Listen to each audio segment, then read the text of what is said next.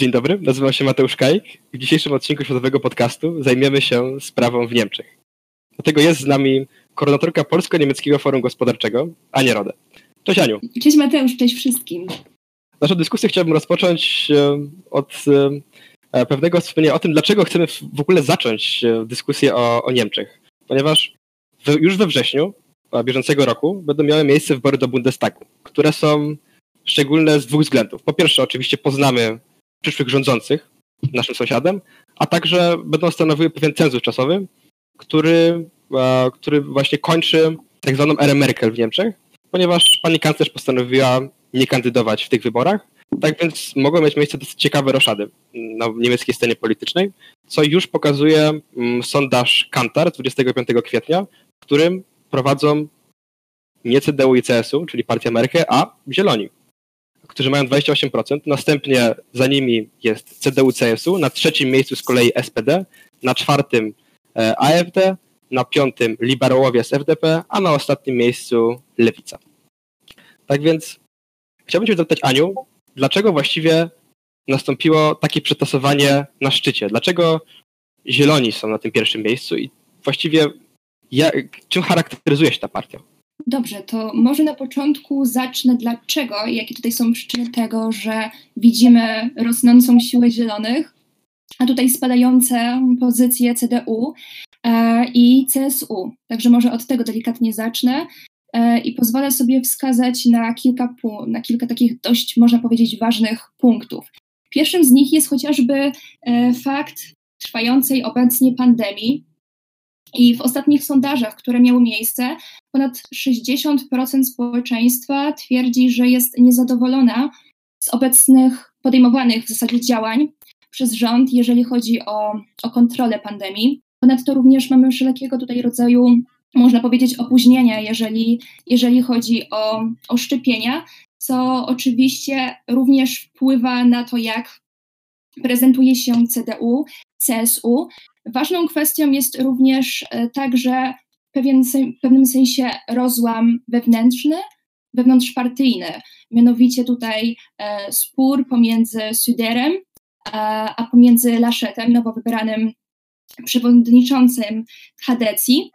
Tutaj może Mateusz, ty wspomnisz o, o Suderze, bo to jest uważam, że dość ważna kwestia, zanim jeszcze tutaj przejdziemy do charakterystyki, charakterystyki zielonych.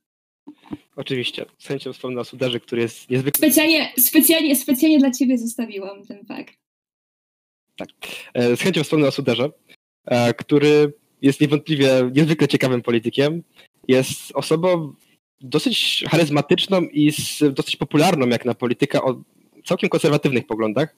E, I właściwie jeśli chodzi o ten rozum CSU, to też bardzo ważne jest wskazanie, kim jest jego rywal, czy już były rywal właściwie, bo starcie się, no, można powiedzieć, zakończyło, a mianowicie zwycięzcą tego starcia był Armin Laschet, czyli nowy przewodniczący e, CDU. Ale wracając do samego Sudera. E, jest to polityk niezwykle charyzmatyczny, jest to polityk, który jest, wywodzi się z partii CSU, czyli mniejszej siostry, można powiedzieć, e, CDU, która, która zajmuje się resztą Niemiec, a z kolei CSU zajmuje się tylko i wyłącznie Bawarią. E, I w tejże Bawarii Suder jest premierem. I dobrze, że wspomniałeś, Aniu, o sytuacji pandemicznej, bo to właściwie na niej najwięcej skorzystał Markus Suder, który, którego polityka co prawda przez niektórych komentatorów nie oceniana jako niezwykle skuteczna, ale jednak jego działania, jego mm, pewna transparentność tego, jak, jak toczy walkę z pandemią, e, wpłynęły na wzrost jego poparcia. Mm, tak więc e, oprócz właśnie walki z pandemią, jest on politykiem niezwykle, można powiedzieć, elastycznym. Jest w stanie współpracować praktycznie z każdym, co pokazało chociażby jego pewien odwrót od e, takiego utrzymywania się dalej na takich pozycjach trochę mm, e, anty, antyenergiewende, czyli tej, przemia- tej, tej, tej, programu reform, który ma miejsce w Niemiec, który, którego celem jest transformacja energetyczna, ponieważ Suder na początku był krytykiem tegoż programu, a aktualnie jego poglądy zmieniły się na takim stopniu, że nawet e, jest on w stanie, jest on określany jako zielony konserwatysta, który świetnie dogadałby się właśnie z partią zielonych.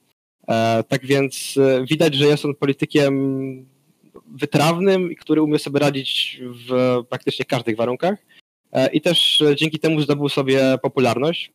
E, oprócz tego oczywiście, że jego działalności pozapolitycznej, ponieważ e, gustuje w e, bardzo wyszukanych strojach karnawałowych, między innymi przebierając się za Szreka. Tak więc jest niezwykle ciekawą postacią na niemieckiej scenie politycznej, ale mm, jego właściwie kompletnym przeciwieństwem i co zaskakujące przeciwieństwem, które wygrało to starcie, jest Armin Laschet. E, I czy Aniu mogłabyś coś wspomnieć o Arminie Laszecie, nowym przewodniczącym CDU? Oczywiście, tutaj już wspomnę.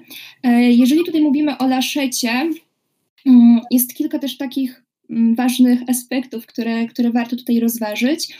E, może króciutko także powiem o takich kwestiach, które wpływają na to, co on obecnie wyznaje w zasadzie i to, jakim, może powiedzieć, typem przywódcy, jakim typem tutaj polityka Armit Laschet jest. Oryginalnie on pochodzi tutaj z Aachen, z Akwizgranu, czyli przy granicy belgijsko-holenderskiej. I tutaj można powiedzieć już od dłuższego, dłuższego czasu, w zasadzie od początku, on bardzo wyznaje takie, można powiedzieć, wartości, wartości europejskie, wartości integracji. Zanim jeszcze został, zaraz o, te, o, tym jeszcze wspomnę, ale zanim został tutaj przewodniczącym partii CDU, miał tutaj, można, duże, można powiedzieć, dość, e, dość duże doświadczenie polityczne tutaj od najmłodszych, od najmłodszych lat w zasadzie działał, jeśli tak mogę to ująć, e, działał e, tutaj w, e, w samorządach tutaj lokalnych, jeżeli mówimy o no, na, terenie północnej Westfalii. Ponadto 2000, od 2000, pomiędzy 2005 a 2010 roku był również także ministrem integracji w, na terenie północnej Westfalii.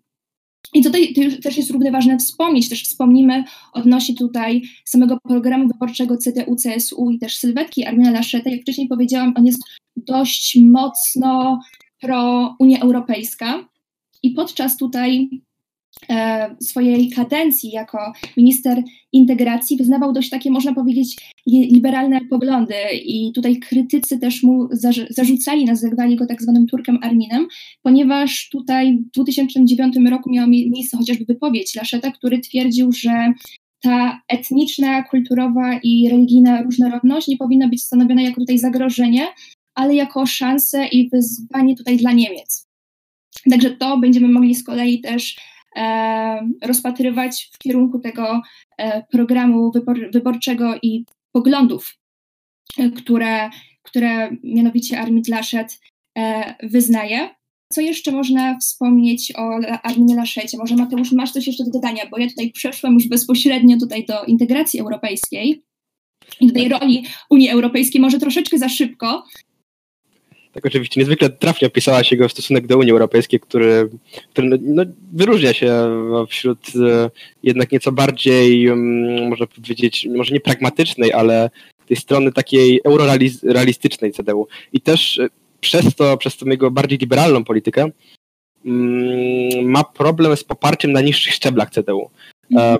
I udało mu się co prawda zostać przewodniczącym CDU, ale jednak w głosowaniu tym brała udział głównie, można powiedzieć, wierchuszka partyjna. To byli e, to był creme de la creme CDU, a z kolei na tych niższych szczeblach to już no, nie jest tak kolorowo.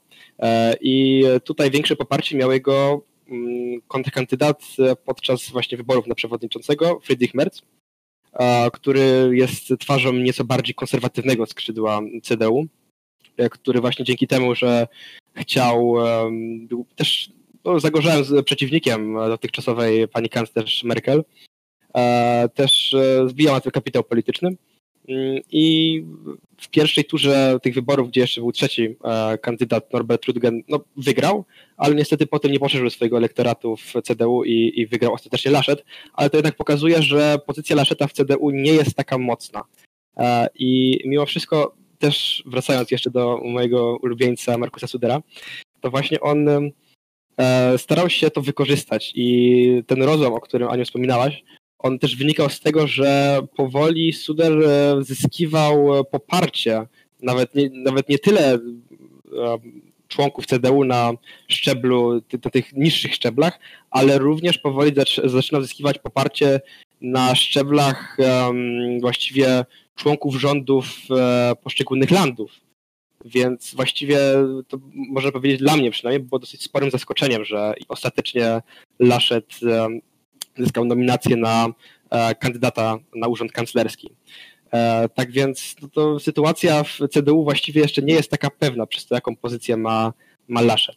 A z kolei przechodząc do drugiej partii, w której ten wybór kandydata na urząd kanclerski przebiegł nieco bardziej spokojnie i nieco bardziej zdecydowanie. Jak to, się, jak to przebiegło u Zielonych i kto nim został, Aniu? E, dobrze, jeżeli chodzi tutaj o Zielonych, mamy przy, w zasadzie mam, tutaj mamy mm, kandydatkę na urząd kanclerza i jest nią Annalena Barbrok. I tutaj można powiedzieć, nie wiem, czy już może, czy już przybliżać sylwetkę, może tutaj jeszcze powiem, kto był w zasadzie jej takim kontrkandydatem, jeżeli chodzi o ten urząd, w zasadzie typ, typ ze strony Zielonych. Miał, był nim mianowicie e, Robert Habeck. I tutaj można powiedzieć, że w zasadzie mm, ten wybór pomiędzy Annaleną Barbrock a Habeckiem był troszeczkę, troszeczkę nieoczywisty. Tutaj też e, warto wspomnieć, bo od razu tutaj przeszłam, kto był kandydatami. Oboje byli przewodniczącymi tutaj e, partii Zielonych, tak? Jeżeli chodzi e, o Roberta Habecka i tutaj decyzję o tym, że kandydatką na urząd mm, kanclerz, kanclerz Niemiec będzie Annalena Barbrock, była, można powiedzieć, była dość, dość ciężko było się pogodzić e, z tym Barbrockiem.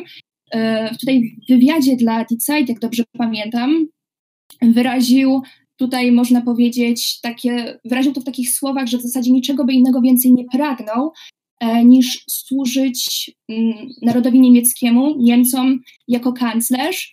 Natomiast z racji tego, że decyzja jest jaka jest, mamy Annalenę Barbrock, on po prostu pogodzi się z tą decyzją i będzie ją przy tym wspierał.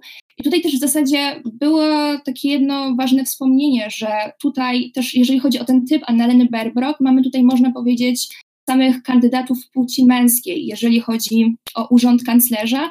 I w tym momencie właśnie e, pojawia się Annalena Berbrock, kobieta, która nie dość, że jest aktywnie zaangażowana w politykę, jest przewodniczącą Partii Zielonym, jest jednocześnie matką dwójki, dwójki dzieci. Tak? I pomimo tego, że nie ma w zasadzie jeszcze takiego doświadczenia, jeżeli chodzi tutaj o rządy, i to również też jej się zarzuca, bo w porównaniu tutaj chociażby z Habekiem, który był ministrem środowiska technologii, tutaj w landzie Schleswig-Holstein faktycznie miał taki background, taki background, jeżeli chodzi e, o rządzenie. E, tak tutaj Annalena Berbrock mówiła, że ona w zasadzie odpowiada się za takim jakby odnową tego, co jest, natomiast jeżeli chodzi o status quo, quo to po prostu stoi ktoś za tym, za tym innym. I co również także warto wspomnieć chociażby o poparcie dla Annaleny Berbrock. W 2019 roku, jak była wybierana tutaj na przewodniczącą partii Die Grünen, uzyskała ciut znaczny większe poparcie. Również także cieszy się takim, można powiedzieć, respektem, jeżeli chodzi e, o członków partii i faktycznie ma też dość duże, duże poparcie. Tak, i tutaj też e, myślę, że mm, na zauważyłaś, że jednak Robert Habeck pogodził się z tym. To nie jest y, w dalszym ciągu jakaś wielka rywalizacja, gdzie nie wiadomo, czy czasami jeszcze nie dojdzie do buntu zwolenników y, Habeka. Tak jak ma to w przypadku, mm, tak jak ma to miejsce w przypadku CDU-CSU, gdzie jednak ta sytuacja dalej nie jest do końca jeszcze mm, tak czytelna.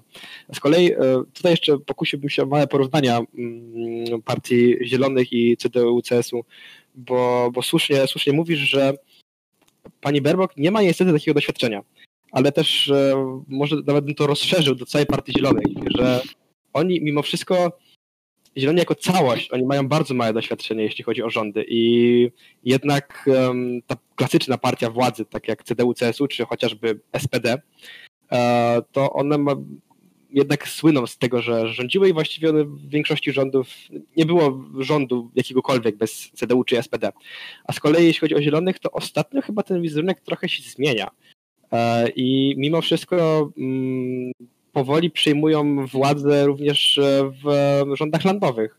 I w jednym z landów, w którym ostatnio miały miejsce również niezwykle interesujące wybory, e, utrzymali władzy, nie utrzymali, Aniu, jeśli mogłaś powiedzieć, chodzi konkretnie o Badenie-Wittenbergie oczywiście. Tak, dokładnie, tutaj można powiedzieć, że z dość dużą, dużą, dużą przewagą e, władze w zasadzie w Badeni mm, w Baden-Württemberg właśnie utrzymało, utrzymali zieloni. I tutaj coś również wspomniałeś, E, przez dłuższy czas tutaj e, Zieloni byli, można powiedzieć, kojarzeni z takim, jakby to określić, takim, można powiedzieć, dość taką partią polityczną, która jest powiązana z takim, nie wiem, ruchem, e, ruchem ekologicznym, akademicznym, akademickim ruchem uniwersyteckim. Nie wiem, czy to jest o tyle, można powiedzieć, trafne określenie. Spotkałam się, spotkałam się z nim kilka razy, tak mogę powiedzieć. Natomiast, co jest również ważne wspomnieć, że tutaj Die Grünen stara się otworzyć na szerszą grupę odbiorców, na, na, szerszą grupę wyborców w zasadzie, bo to są nie tylko osoby, które są zainteresowane ekologią, tutaj także można powiedzieć zwrot w stronę tutaj osób, które zarabiają najniższe pensje krajowe albo, albo również także te średnie pensje krajowe, ponadto również także zwrot do rolników. Kwestia jest chociażby też taka, że na przykład sama Annalena Berberok, ona właśnie pochodzi z takich tych mniejszych, mniejszych ludnościowo, mniejszej bodajże z wsi, jak dobrze pamiętam, nieopodal mm, Hanoweru. Także również można powiedzieć zwrot w kwestii osób, które są, które są związane z rolnictwem. To tak króciutko od siebie może dodam. Tak, i właśnie pani Berbuk e, jest e, też przedstawicielką, co, co też zauważyłaś, tej jednak tego stronnictwa bardziej umiarkowanego. I tak samo jak Robert Habeck, co w ogóle było zaskoczeniem, że ta dwójka została wybrana, jako że zazwyczaj przez to, że było e, dwóch um, liderów partii, to oni reprezentowali dwa różne skrzydła. A z kolei tym razem wybór padł na członków tego obozu umiarkowanego i wydaje mi się, że e, to też był pewien, e, pewien czynnik, który wpłynął na to, że ta partia mm, prawdę mówiąc, trochę zastępuje CDU w CSU w centrum. I, i mimo wszystko niektórzy komentatorzy nawet, um, do, nawet um, ryzyk, zaryzykują stwierdzenie, że to zieloni stają się nowymi czarnymi, czyli nowymi CDU, C, nowymi, mm, nowym CDU. Tak więc e, być może, co też pokazują sondaże, są w stanie oni zastąpić, e, są w stanie zastąpić obecnych rządzących. E, I także przechodząc do obecnych rządzących, bo prawdę mówiąc, chyba nigdy w historii um, RFN nie, było, nie miało miejsca takie wydarzenie, że SPD zostało aż tak odsunięte na bok. I właściwie mają oni 13% w sondażach. Są trzecią partią, która no, tendencja jednak e, zmian w sondażach nie jest zbyt korzystna dla nich. I właściwie co się z tą partią dzieje? Kto jest e, ich e, kandydatem na, na urząd kanclerski i jaki mają program, jeśli byś Aniu mogła powiedzieć? Oczywiście, to ja może zacznę od samego tutaj przedstawiciela um, SPD, tak? E, zmieniło się troszkę, doszło do pewnych takich przetastowań, natomiast może skupię się tutaj na tym takim głównym typie, mianowicie Olaf Scholz. I jakby przedstawić tutaj kandydata SPD na urząd, e, urząd kanclerza, kanclerza, e, on tutaj przedstawia się jako osobę, którą w zasadzie wszyscy znają, tak? E, tak by to można było nazwać e, motto jego kampanii. Osoba, która ma na pewno doświadczenie, możemy powiedzieć, że ta osoba na pewno ma doświadczenie w porównaniu chociażby e, z Annalene Baerbock z Zielonych, jest chociażby tutaj e, zastępcą e, kanclerz obecnej Niemiec Angeli Merkel, jest ministrem, ministrem finansów. Natomiast jeżeli chodzi tutaj o CDU, przepraszam, o SPD e, i tutaj poszczególną obecną, obecną tutaj sytuację, można powiedzieć, ja bym bo ja bym tutaj um, użyła takiego słowa, w zasadzie kilku słów, że brakuje, brakuje nowości. Nie wiem, jak się do tego Mateusz odniesiesz. Prawdę mówiąc, jeśli chodzi o SPD, E, to wydaje mi się, że ta partia próbuje znaleźć sobie miejsce na nowo. Oni mm, między innymi w Niemczech coraz bardziej na znaczeniu zyskuje temat kwestii socjalnych, takich jak e, chociażby dostępu do mieszkań, z którym jest ogromny problem, ponieważ Niemcy w Unii Europejskiej są e, na pierwszym miejscu, jeśli chodzi o odsetek osób wynajmujących mieszkania, a nie posiadających je na własność. Tak więc SPD próbuje sobie trochę tutaj też budować kapitał na tym, że, że stara się mm, jednak też związać z tym ruchem, który dąży do jednak pewnego ograniczenia wzrostu czynszów, żeby te mieszkania były bardziej dostępne. Mm, I, I, to też jest jeden z ważniejszych tematów, myślę, podczas kampanii, ale też jeśli chodzi o samą postać pana Scholza, to jest to niezwykle ciekawa, jego jest niezwykle ciekawa i właściwie rozpoczynałem jeszcze w czasach e, kanclerza Schrödera, na początku XXI wieku i wtedy mogło się wydawać, że właściwie jego kariera dosyć szybko się skończy, bo został ministrem pracy, który co myślę jest jeszcze bardziej ciekawe, który, którego, który miał wykonywać, realizować reformy, które miały na celu pewne właściwie mm, redukcję mm, e, państwa opiekuńczego w Niemczech i, ich systemu e, wsparcia socjalnego. Tak więc to jest już kompletnym zaskoczeniem, myślę, jeśli chodzi o SPD, ale takie, takie zdarzenie miało miejsce i dlatego też e, no, wydawał się politykiem już, który no, nie wejdzie na ten szczyt. I też przy okazji, przez to, że jak się prezentował w mediach wtedy, również zyskał takie, taką opinię polityka takiego chłodnego, nudnego e, technokraty, który po prostu jest w stanie jedynie mówić takim żargonem urzędowym i nie jest w stanie być blisko ludzi, co jednak w przypadku socjaldemokracji jest szczególnie ważne, żeby jednak e, umieć rozmawiać z ludźmi. To w ogóle jeśli chodzi o polityków oczywiście. A z kolei pojawił się on e, ponownie na scenie, oczywiście w tym czasie przechodząc ogromną ewolucję e, i, i też e, rozwój, jeśli chodzi o jego umiejętności miękkie. Tak więc pojawił się on znowu w 2019 roku, kiedy był kandydatem na przewodniczącego SPD i widać było ogromną przemianę. Umiał rozmawiać z ludźmi, on był w stanie się zaprzyjaźnić ze swoimi wyborcami ale niestety wybory przegrał. E, więc to też było oczywiście zaskoczeniem, ale rok później, niecały z tego co pamiętam, kolejne zaskoczenie, więc SPD to jest partia niespodzianek, e, okazało się, że obecna dwójka e, przewodniczących SPD którzy nie mieli zbyt dużego doświadczenia politycznego, postanowiła e, i generalnie cała SPD nominować go już na ponad rok przed wyborami do Bundestagu na e, e, kandydata na urząd kanclerski SPD. Więc myślę, że to dosyć odważna decyzja, jeśli chodzi o samo SPD, ale też dosyć trafna, bo właściwie mm, jako, bo jest on teraz ministrem finansów i właściwie jaką opinię mają Niemcy o, mm, o nim jako ministrze finansów, czy generalnie o jego poczynaniach obecnych? I to oczywiście pewna też będzie widać dysonans pomiędzy tym, co było wcześniej, 2020, na początku XXI wieku, a teraz. Więc jeśli możesz mogło, Aniu, powiedzieć, jak Niemcy widzą teraz Olafa Scholza? Jakim jest politykiem w ich oczach? Dobrze, w sensie nie wiem, czy może trafię się do tego odniosę, natomiast pierwsze, co mi przychodzi na myśl, to obecna też sytuacja związana z, z koronawirusem. I tutaj też może warto dodać, że jeżeli chodzi o Europę, tak, bo nie wiem, czy do, dokładnie to miałeś na myśli, Mateusz, pytając o to, jak obecnie jest postrzegany w oczach. Natomiast jeżeli chodzi o chociażby o Unię Europejską, w momencie, kiedy wybuchła epidemia koronawirusa, sam Scholz optował za tutaj funduszem odbudowy tutaj dla, dla krajów Unii Europejskiej. Też nie jestem pewna, czy to miałeś na myśli, jeżeli chodzi o. Tak, właśnie miałem na myśli, przepraszam Super. za precyzyjne pytanie, ale właśnie jak w dobie pandemii, już trwającej ponad rok, jak Niemcy oceniają jego poczynania i właściwie ten, jak on sobie radzi z tym kryzysem, który jest w sumie no, od czasu II wojny światowej największym kryzysem e, w Europie i właściwie nawet na świecie, myślę. To dobrze, to tak jak już wcześniej wspomniałam, e, tutaj można powiedzieć, że warto, powiedzieć, warto tutaj dodać, że mm, Olaf Scholz optował za wprowadzeniem tutaj funduszu odbudowy w wyniku tutaj e, epidemii koronawirusa, koronawirusa, która wybuchła i skutków tutaj gospodarczych. Mm, fundusz odbudowy w wysokości ponad 7, 700 miliardów euro. Tutaj w szczególności także dla tych krajów południowych. Także można powiedzieć, że sam też Olaf Scholz, tutaj też dodam, działa, działa proeuropejsko i też może też potem o tym też wspomnimy o tym, jeżeli chodzi o poszczególnych przedstawicieli partii, natomiast z małymi wyjątkami um, obecni e, kandydaci na urząd kanclerza są pro, proeuropejscy.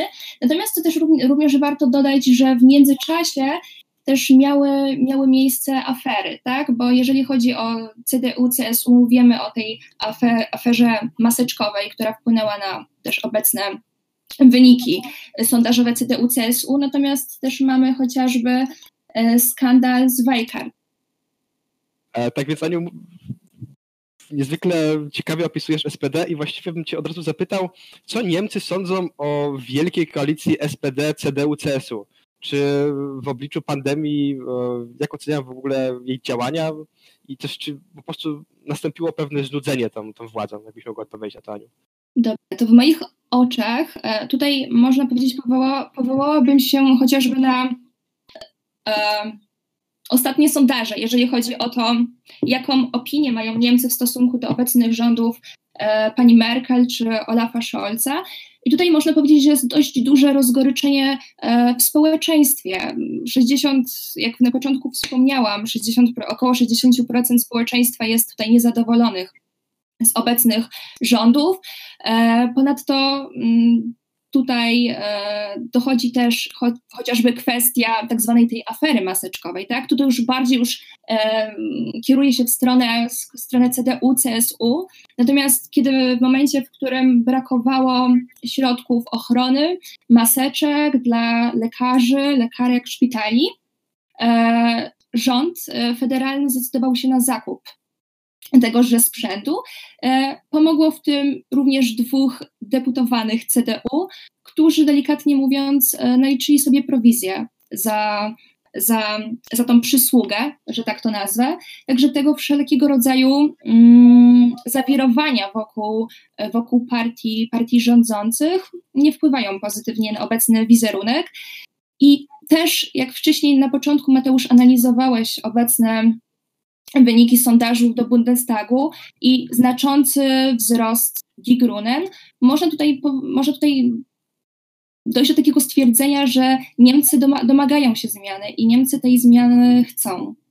Dokładnie, jeszcze to, co mówiłaś o tych aferach, to, no, e, to również miała miejsce afera związana z e, szerzeniem wpływów i niezwykle przedsiębiorczy, e, szerzeniem wpływów innych mocarstw, bo niezwykle przedsiębiorczy mm, posłowie mm, CDU również mieli niejasne kontakty z przedstawicielami Azerbejdżanu.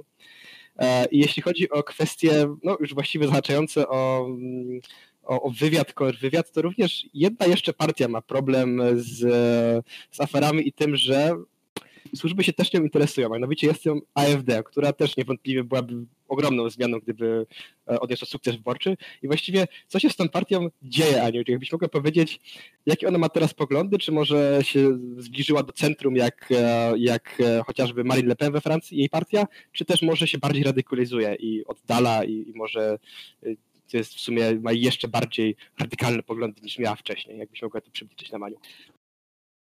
Jasne. Oj, tutaj zdecydowanie, zdecydowanie, zdecydowanie powiem, że radykalizuje się, chociażby patrząc na e, tutaj sprzed trzech tygodni miał miejsce zjazd mm, członków AfD, podczas którego w zasadzie dyskutowano tutaj wiadomo o, o programie wyborczych, e, o programie wyborczym. Natomiast co warto wspomnieć, e, sama partia jest za wyjściem tutaj Niemiec, chociażby z Unii, Europejs- z Unii Europejskiej. Także tutaj można zdecydowanie powiedzieć, że sama, sama partia się radykalizuje. Natomiast z AfD też jest taki problem, że mianowicie jest, e, tak jak na przykład mamy w, CD, w CDU, e, był problem z wyborem tutaj, można powiedzieć, ten rozłam pomiędzy mm, Süderem i pomiędzy Arminem Laschetem. Tak w AfD też jest problem z wytypowaniem osoby, która mogłaby być kandydatem, jeżeli chodzi o urząd kanclerza Niemiec. Tak, wydaje się nawet, że ta partia jest chyba jeszcze bardziej podzielona niż CDU jest i CSU. I też, no, to chyba już znana z Polski pewna, e, pewna kłótliwość e, na, e, w, kręgach, w kręgach prawicowych jest jednak tutaj też dosyć widoczna. Więc no, na razie raczej myślę, że tendencja ich w sondażach również będzie spadkowa przez to, że właśnie jak wspomniałaś, radykalizują i, i, tak. i też mają problem z w ogóle wybraniem jeszcze przecież spisek kandydatów. E, tak więc e, jeszcze jest e, partia, która z kolei może odwrócić swoje, swoją tendencję w sondażach i myślę, że która też może odnieść sukces i nawet rywalizować właściwie z SPD o trzecie miejsce. A mianowicie są to liberałowie z FDP, którzy mają którzy, którzy no, utrzymują się na tej scenie politycznej równie długo jak, jak reszta partii, są dosyć tradycyjną siłą na, na niemieckiej scenie politycznej. Jeśli mogłabyś, Aniu, pokrótce przedstawić ich program i też może lidera, bo, bo chyba to też jest jakaś wyrazista. Jasne. Tu warto wspomnieć, że w porównaniu wcześniej mówiliśmy właśnie o, AfD, o AfD, Alternative für Deutschland, gdzie tutaj mamy ten rozłam, jeżeli chodzi o wybór przewodniczącego. Natomiast jeżeli chodzi o FDP, i można powiedzieć, że FDP e, zyskuje na tym, że mianowicie nie ma u nich tego tak zwanego problemu przywództwa, tak? Mamy tego jednego lidera, kandydata, jest nim Christian Linder, który można powiedzieć tutaj poprowadzi, poprowadzi swoją partię, jeżeli chodzi o wrześniowe, wrześniowe wybory. Natomiast co również warto wspomnieć, bo pytałeś Mateusz o obecny program wyborczy.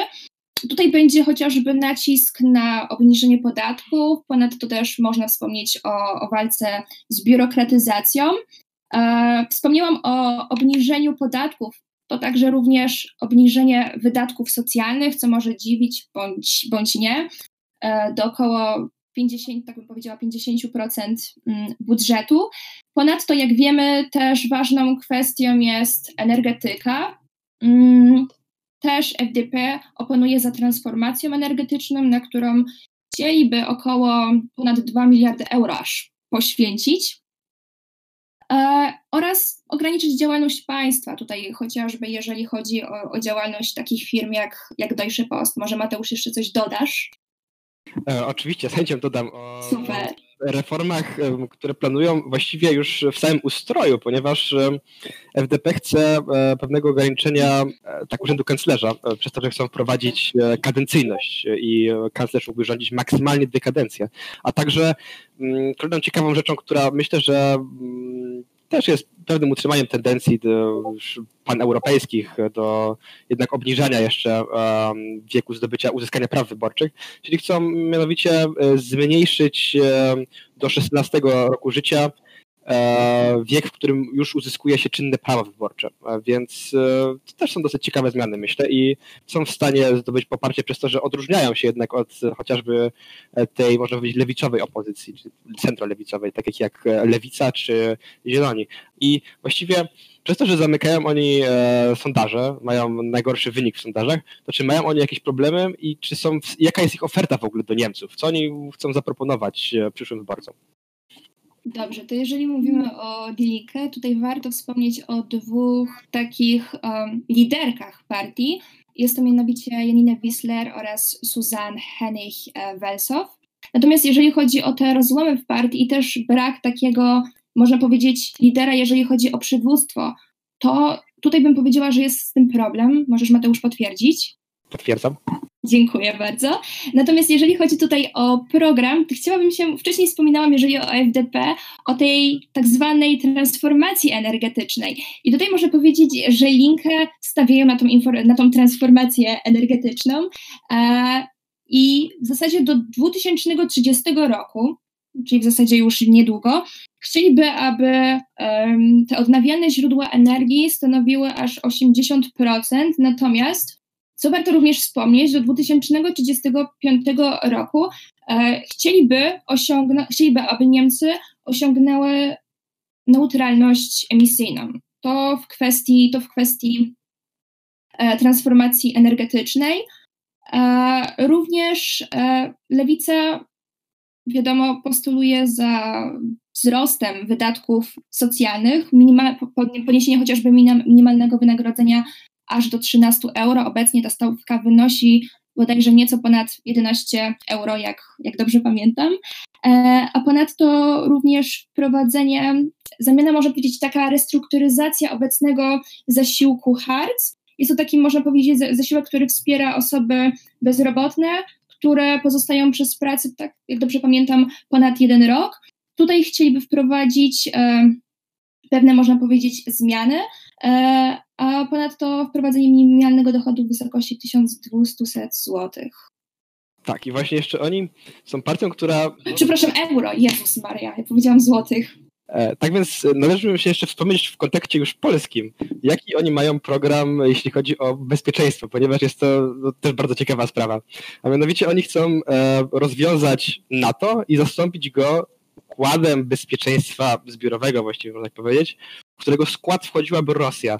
Oni są niezwykle prorosyjską partią jak na partie lewicowe i to już taka jeszcze tradycja właściwie post-NRD, gdzie też mają e, sporo, sporo części wyborców właśnie wywodzi się z tych rejonów. Czyli konkludując, wybory do Bundestagu Anno, Anno Domini 2021, a sprawa polska. Jak, jaki wynik w tych wyborów myślisz, Aniu, byłby najlepszy dla Polski? Czy zwycięstwo Zielonych byłoby lepsze dla Polski niż zwycięstwo CDU? Co o tym sądzisz? E, osobiście wydaje mi się, że nie ma jednoznacznej odpowiedzi na to pytanie, bo jeżeli rozpatrujemy chociażby CDU, CSU, mamy tutaj e, Armina Laszeta, który jest, jakby to można powiedzieć, ma ten stosunek taki pro, prorosyjski, tutaj chociażby kwestia budowy gazociągu Nord Stream 2. Z drugiej strony też mamy Digrunen. Ja bym tutaj można, można powiedzieć, od, tutaj powołała się, może nie o tyle powołała, co w mojej opinii to jest neutralne, jeżeli chodzi o stosunek Polski. Nie wiem, czy się z tym zgodzisz, Mateusz, natomiast. Myślę, że nawet nie tyle bym się zgodził, o ile bym powiedział, że właściwie zieloni, zieloni, zieloni nawet są moim zdaniem, co nie ukrywam, dosyć, dosyć sugestywnie wtrąciłem do pytania, są nawet lepszym wyborem. Z tego względu, że pani Anella Berbok odmieniła poglądy zielonych na bezpieczeństwo. Ona jest ekspertką, jeśli chodzi o politykę bezpieczeństwa i ona dostrzega, że jednak te klasyczne postulaty zielonych, czyli takie, z których właściwie już od, od samego początku, z którymi e, wychodzą do, do Niemców, czyli to, że mają być, e, są pacyfistyczni, są antymilitarystyczni, nie do końca chcą e, takich mocnych relacji transatlantyckich. I, i właściwie nastąpiło, nastąpiła drastyczna zmiana i właśnie pani, pani Berbok chce jednak utrzymania dobrych, e, dobrych relacji z Ameryką, chce podtrzymania jednak obecnych układów bezpieczeństwa, a także nie zamierza oszczędzać na, na zbrojenia. Więc myślę, że z perspektywy Polski, z takiej, tak, takiej strategicznej płaszczyźnie, Zieloni są zdecydowanie lepszym wyborem niż ci podzieleni CDU i CSU, które, które parte jednak też przeżywa pewien kryzys przez to, że e, jednak e, musiała nastąpić sukcesja po tak mocnej, tak mocnym autorytecie mm, w polityce jak pani Merkel. Więc tutaj myślę, że mm, z perspektywy Polski, właśnie przez to, że to będzie zdecydowanie pewniejsze przejście i my wiemy, czego możemy się spodziewać po, po zielonych, to będzie lepsze. I mm, też, też wydaje mi się, że, że właśnie z tej strategii, bo kwestie strategiczne, bo jeśli chodzi o gospodarcze, to też myślę, że oni mają jeden bardzo ciekawy postulat z perspektywy polskiej, e, jeśli chodzi o politykę energetyczną. Ania, jakbyś mogła rozwinąć? Dobrze, że o tym wspomniałeś, Mateusz, na, na sam koniec. E, ważną kwestią, o której wcześniej nie wspomnieliśmy, jest mianowicie Nord Stream 2. I co tutaj ważne, warto wspomnieć, że mm, na tle wszystkich partii e, w zasadzie Zieloni, Die Grünen, są tą partią, która najbardziej sprzeciwia się budowie Nord Stream 2. To pierwsza kwestia. Ponadto, jeżeli chodzi o Annalenę Berbrock, ważną kwestią, którą też chciałabym wspomnieć, jest mianowicie, jest mianowicie tutaj właśnie prawa człowieka. E, ochrona praw człowieka. Wspomniałeś Mateusza, Mateusz o Sojuszu Transatlantyckim i tutaj też integracji europejskiej. E, natomiast tutaj też można powiedzieć, że Die Grünen sprzeciwiają się też rządom Chin, i rządom Rosji w momencie, w tym, co się aktualnie dzieje. Z naszej perspektywy niewątpliwie jest e, sytuacja w Niemczech jest warta śledzenia e, i też myślę, że przybliżyliśmy dzisiaj chociaż w minimalnym stopniu naszym słuchaczom, jak wygląda sytuacja i dlaczego warto ją śledzić. Tak więc dziękuję Ci bardzo za tę niezwykle interesującą rozmowę e, i również chciałbym zachęcić naszych słuchaczy, żeby śledzili zarówno Polsko-Niemieckiego Forum Gospodarczym e, na, w mediach społecznościowych, a także, e, a także może zainteresowali się nadchodzącą konferencją, która, jeśli mogłabyś Aniu jeszcze dopowiedzieć, e, kiedy będzie miała miejsce, tak, to wspólnie z Mateuszem, z którym mam przyjemność współorganizować tegoroczne forum, mamy przyjemność zaprosić do udziału w konferencji i rekrutacja do naszego projektu będzie miała mieć, będzie już miała miejsce w niedzielę. Sama konferencja odbędzie się w dniach 17-20 mm, maja.